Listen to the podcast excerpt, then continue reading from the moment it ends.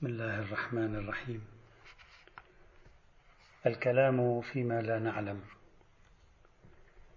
يتعرض علماء الأخلاق لما يسمونه آفات اللسان.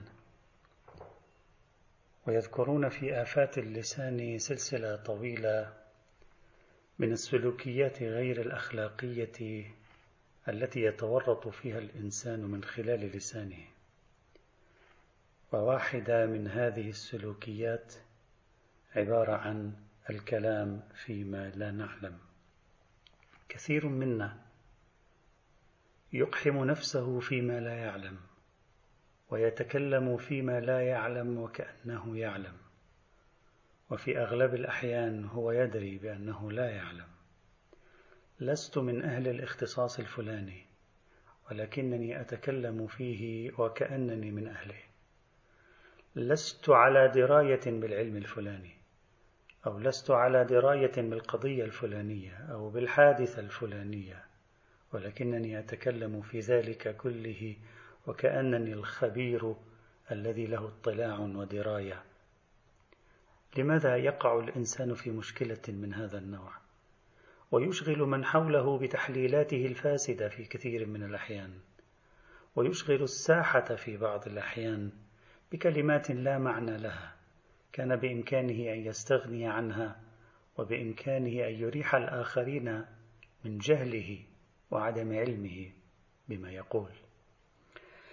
دعونا نفكر ما هو السبب الذي يدفعنا إلى ذلك. هناك أسباب عديدة.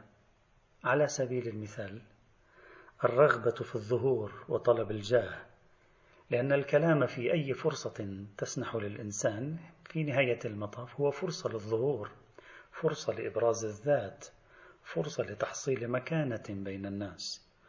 ليس بالضرورة بين عموم الناس ربما يكون بين الناس في إطار مجتمع العائلي أو في إطار مجتمع أصدقائي أو في إطار جامعتي ومدرستي أو في إطار مكان العمل.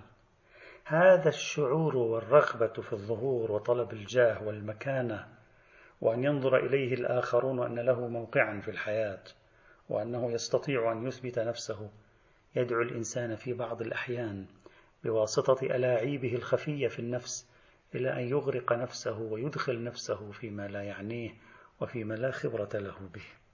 سبب آخر تعملق الأنا. بعض الناس يعيش عقدة، يعيش مرضا، الأنا التي عنده متضخمة الأنا التي عنده متعملقة يتوهم أنه شيء وهو لا شيء. ولذلك يقوده هذا الوهم وهم الكبر وهم الأنا المتعملقة وهم جنون العظمة في بعض الأحيان. يقوده إلى يقحم نفسه في كل شيء ويبدي نفسه وكأنه العارف بجميع الأشياء. فيورط نفسه في قول ما لا يعلم ويورط الساحة والآخرين أيضا أحيانا في إرباكات لسنا جميعا بحاجة إليها. سبب ثالث عدم وعي أهمية الصمت في الحياة، ربما تسنح لي الفرصة إن شاء الله أن أتكلم في كلمة قصيرة لاحقة عن موضوع الصمت، الصمت قضية في غاية الأهمية. هل تصورنا في يوم من الأيام أن الصمت هو فعالية نفسية؟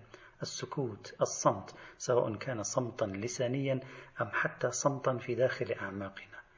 تقريبا جميع المدارس الأخلاقية والروحية في العالم تركز في جملة ما تركز على مفهوم الصمت والسكون ولها أفانين ولها طرق في تدريب الإنسان على ممارسة الصمت الداخلي والصمت اللساني لأن الصمت أحد الوسائل لتنمية الذات أحد الوسائل لتقوية الباطن. عندما لا يعرف الإنسان أن الصمت فضيلة عندما لا يعرف أن الصمت وقار عندما لا يعرف أن الصمت عبارة عن رقي داخلي لذلك يقحم نفسه في أي شيء. في أدنى فرصة تسنح له يحب أن يتكلم في جميع الأشياء لأنه يتصور أن الكلام هو تفريغ ربما للطاقة السلبية الموجودة عنده.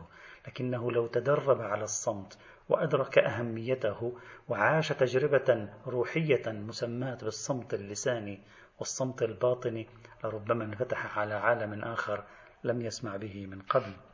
أيضا من الأسباب التي تورطنا في الكلام فيما لا نعلم وفيما لا يعنينا أيضا الصحبة أو المناخ غير الصحي الذي يعودك على أن تتكلم في كل شيء.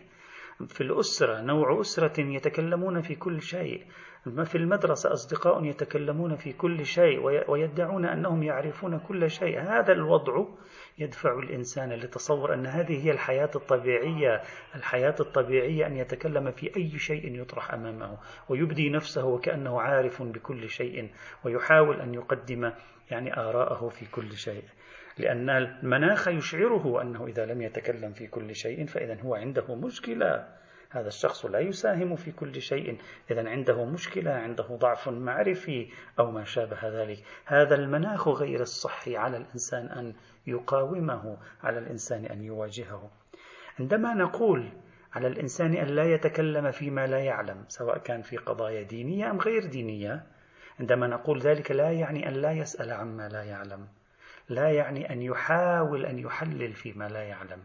بمعنى أننا إذا أردت أن أشارك في شيء لا أعلمه بإمكاني أن أستبدل تعابير اللسان من حالة اليقين والجزم وادعاء المعرفة وما شابه ذلك إلى حالة السؤال أو على الأقل تخفيف الخطاب. فأقول مثلا لست خبيرا في هذا الموضوع لكنني أحتمل كذا وكذا فما رأيكم؟ هذه اللغة تربي الإنسان على التواضع وتربيه على معرفة حدوده والإنسان إذا عرف حده أدرك كثيرا من الأشياء وتجنب كثيرا من المشاكل. والحمد لله رب العالمين.